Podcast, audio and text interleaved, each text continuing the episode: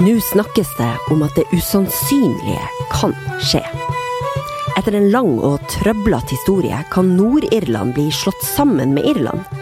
Hvordan kan det ha seg at dem som ble sett på som terrorister, kan være nettopp dem som fører de to landene sammen? Du hører på Verdens gang, og mitt navn er Nora Torp Bjørnstad.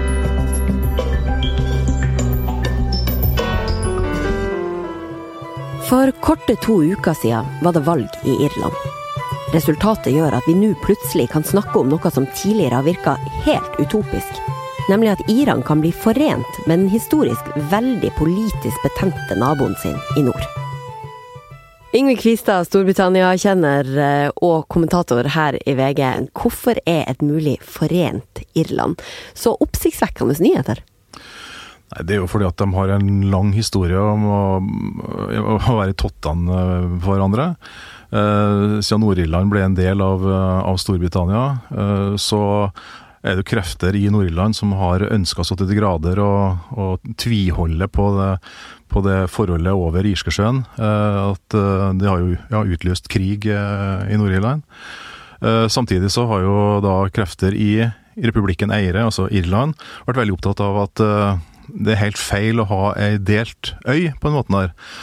Sånn at det har vært en langvarig konflikt mellom de to områdene, da.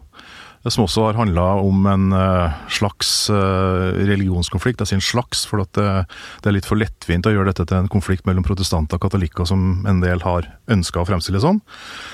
Uh, så liksom totaliteten her og historia, i det historiske lyset, så er det en langvarig konflikt som har Uh, ja, som har vært såpass intens og såpass tøff. da. Det var jo, leda fram til en 30-årskrig uh, i Nord-Irland. Uh, som da fikk Det man bare kaller for The Troubles. Ja, The Troubles, ja. Som da fikk en slags løsning da i 98 ved den såkalte langfredagsavtalen, der da regjeringa i London og, og i Irland da ble enige om en, en fredsavtale da, som har en del punkt som regulerer også det framtidige forholdet mellom Nord-Irland og republikken Eire.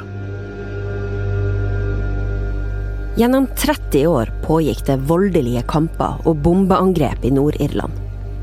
Konflikten dreide seg først og fremst om Nord-Irland fortsatt skulle være en britisk provins, eller bli en del av republikken Irland, som fikk sin selvstendighet fra Storbritannia i 1922. Litt forenkla forklart kan man si at dem i Nord-Irland som var katolikker, sånn som irene, ville knytte seg nærmere Irland. Protestantene derimot ville helst være en del av Storbritannia. For et par år siden var jeg sjøl i Nord-Irland og så hvordan byen fortsatt bærer preg av konfliktene. Én ting er turistattraksjoner som Europas mest bomba hotell, som har blitt truffet hele 36 ganger. Men du ser det også i boligstrøkene i hovedstaden Belfast. Der står det fortsatt fredsvegger, som har som formål å holde protestanter og katolikker fra hverandre. A bomb which exploded at the Northern Bank in Belfast Stock Exchange injured 30 people. Customers were hurled across the floor, and people walking outside were cut by flying glass. Resultatet av uenighetene var altså tre tiår med blodig konflikt og 3600 drepte. Selv om langfredagavtalen i 1998 markerte fred mellom gruppene, så er Nord-Irland fortsatt et ganske delt land, der uroligheter lett kan blusse opp igjen. In East Belfast, the manager of a local bar was shot at the door of his father's house. He staggered down the hall into the kitchen. The gunman followed him and shot him again in the head. He's also died. Og så da til valget i nabolandet Irland den 8. februar i år. De siste 100 årene siden Irland ble selvstendig, har to partier bytta på å styre landet. Men ved dette valget ble det rokka ved. Da overraska Sinn Fein mange med å bli største parti. Hvorfor har det så mye å si for forholdet mellom de to nabolandene? Jo, fordi Sinn Fein har vært sett på som det politiske organet til den irske republikanske armé, bedre kjent som terroristgruppa IRA. Dem som sprengte bomber i Nord-Irland, i kampen om å bli en del av det katolske Irland. Nå er det sånn at Et forent Irland det er, har jo lenge vært ganske uaktuelt for flertallet av nord-irene. Hva er de viktigste faktorene for at en sammenslåing med Irland nå virker litt mer forlokkende for Nord-Iran? Det er vel skal vi si, tre ting. Det ene er da brexit. Det andre er Boris Johnson. Og det tredje er, er valgresultatet etter valget da, her, til nasjonalforsamling i Irland nå nylig. Der da Sinn Fein Eh, som da er den politiske fraksjon av uh, irske republikanske armé, IRA, fikk altså 25% av stemmene, det er hver fjerde velger. Og har gått fram fra å være et uh, lite parti med 9-10 uh, oppslutning, til nå da å få altså, en fjerdedel av befolkninga i ryggen. da. Og Det er jo et parti som har hatt som en hovedsak egentlig i alle år gjenforening mellom nord og sør. Uh, dette med brexit er jo interessant, for at uh, Nord-Irland ønska jo ikke ut av EU. De ville jo gjerne være, fortsatt være med i EU, og stemte jo for det med, med, god margin. Ja, og så er Boris Johnson en viktig faktor i hvorfor det her plutselig er mer aktuelt. Ja, for han har jo oppført seg på en måte som gjør at, at irene føler seg dårlig behandla. Altså, de føler seg, og det, særlig da det, de nordirske unionistene. Boris Johnson sto på landsmøtet til Unionistpartiet i 2018 og ba dem innstendig om å stemme mot brexit-avtalen som Theresa May skulle legge fram i Underhuset. De gjorde det, bare for da å oppleve at Boris Johnson dro til Brussel i egenskap av statsminister. Fremforhandla en avtale som var mye dårligere enn det Theresa May hadde uh, blitt uh, gått med på. Sånn at fra å være ja, hva skal jeg si, eh, fra å være eh, forkjempere da, for eh, å forbli som en egen provins i nord, så har nordirske unionister nå i stadig større grad tatt til orde for at de kan også tenke seg å bli en del av Irland, fordi at Irland er tross alt befolket med politikere som tar dem på alvor.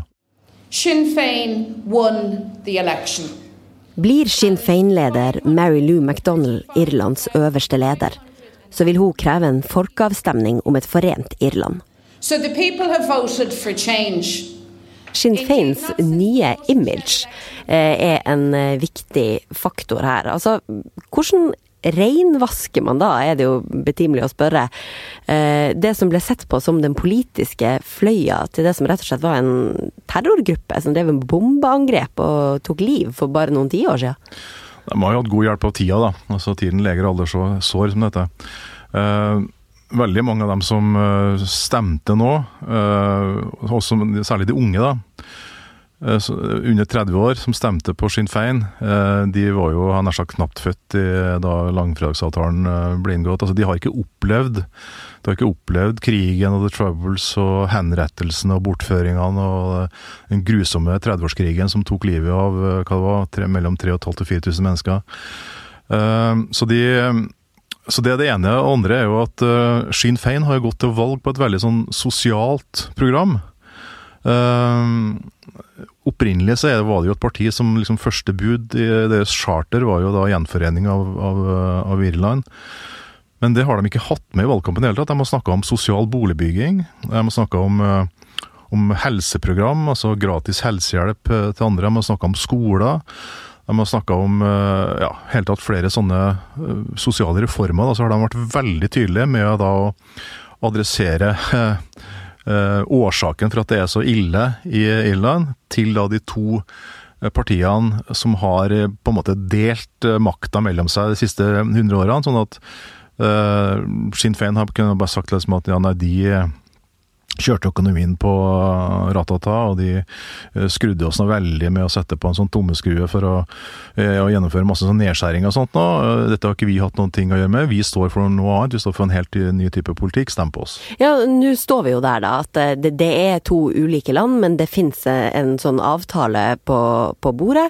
Eh, er det mulig å bare bestemme seg for å gjøre de her to landene til ett land, sånn plutselig? Jeg holdt på å si at det er faktisk enklere enn man tror.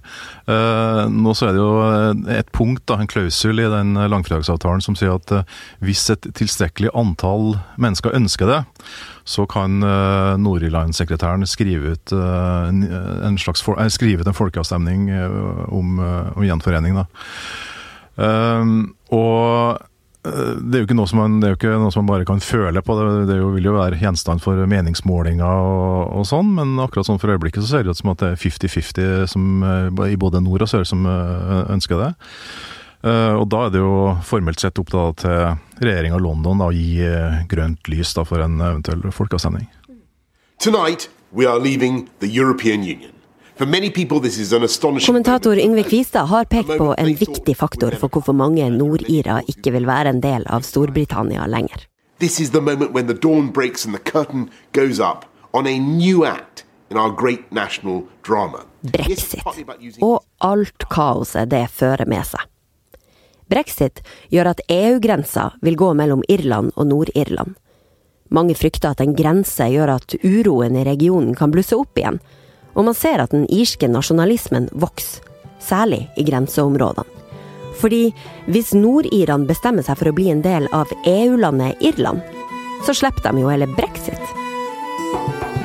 Ja, mens vi snakker om uh, statsminister Boris Johnson og uh, hvordan han ikke er så veldig populær blant uh, nord-irene, hvor stort tap ville det egentlig vært for Johnson og hans landsmenn om de skulle miste Nord-Irland som en del av Storbritannia? Jeg tror at for en god del av Boris Johnsons landsmenn så vil det være ganske ille eh, om eh, Nord-Irland skulle gå ut av, av unionen. Eh, fordi at uh, Nord-Irland er en del av, av Storbritannia og britisk union, men for Boris Johnson sjøl og for store deler av uh, konservative partiet, så tror jeg ikke Nord-Irland egentlig betyr noe som helst. Boris Johnson er jo Han har jo et stort politisk ideal, har han sagt. Og, dette, og det er jo Vincent Churchill. Og hvis man går tilbake til Churchills dager, så hadde jo han faktisk på et tidspunkt under krigen eh, et uh, slags tilbud overfor uh, Irlands daværende statsminister om å bare overta Nord-Irland, i motytelse mot de da Irland sluttet seg til Storbritannia og gikk ut av den nøytrale posisjonen som de hadde på den tida under krigen. Dette har jo på mange, i lang tid levd som en slags anekdote, men så har det jo senere år visst at dette det var, jo, det var jo riktig. Og senere år har, har jo også ulike representanter fra britisk uh, statsforvaltning og, og, og, og, regjeringer har jo sagt at nei, Nord-Irland det betyr egentlig ikke så forbaska mye for oss. Det, Husk på det koster 110 milliarder kroner i året å drifte Nord-Irland. 1,5 millioner million mennesker. Altså, vi har ikke verken økonomiske eller strategiske interesser av å, av å beholde Nord-Irland, blir det sagt. Nord-Irland er et pengesluk. De har den laveste verdiskapningen per innbygger i Storbritannia, og produktiviteten den har sunket jevnt og trutt siden fredsavtalen ble undertegna i 98. Hvis Iran skulle opprettholdt subsidiene som nord får, så ville det bety et kutt i irsk levestandard på mellom 5 og 10% for å dekke inn utgiftene. Det estimerer den irske økonomiprofessoren John Fitzgerald, som jobber ved Trinity College i Dublin, og nylig ga et intervju til VG. Men utgiftene til tross, kanskje er det verdt det for et forent Irland? Hva må til for at du skal ha rett i din antakelse om at vi står overfor en folkeavstemning for et forent Irland om bare tre til fem år? Jeg holdt på å si at Første bud at Boris Johnson må fortsette som statsminister, og som fortsatt kan uh, trigge folkene i Nord-Irland, Irland, så de blir fortsatt så forbanna på London at de vil rive seg løs. Uh, han har jo klart nå å forene uh, altså det, det er blitt sagt om at Boris Johnson og brexit har jo klart det IRA aldri klarte, nemlig å, å gjøre folk i Nord-Irland enige. Sånn at uh, nå er det jo uh, tydeligvis allerede et, et flertall for, uh, for gjenforening med sør. det er flere ting som spiller inn der, men, men hvis nå da at dette flert... Altså, den stemningen fortsetter, da. Så kan jo Nord-Irland-sekretæren be om at det skal være folkeavstemning. Og hvis det da gjennomføres en folkeavstemning med grønt lys fra Downing Street i London, så er det jo bare tida veien. Da, hvis det da blir eh, ja i både nord og sør, for det må holdes to folkeavstemninger, så er det jo bare å slå sammen de to landene. Og plutselig så er jo da Nord-Irland med i EU. Som de har villet hele veien. Yngve, det trøblete forholdet mellom Nord-Irland og Irland, det finnes det masse referanser til i populærkulturen, og du har en favoritt der? Ja, så Den mest eh, opplagte for meg var selvfølgelig det som skulle være debutsingen for Paul McCartney, The Wings, etter at han brøt med The Beatles. Det var en låt som het Give Ireland Back to the Irish, og den ble jo da totalt forbudt av BBC umiddelbart da den utkom. Men så kan man jo si at i dag er det jo tidens melodi.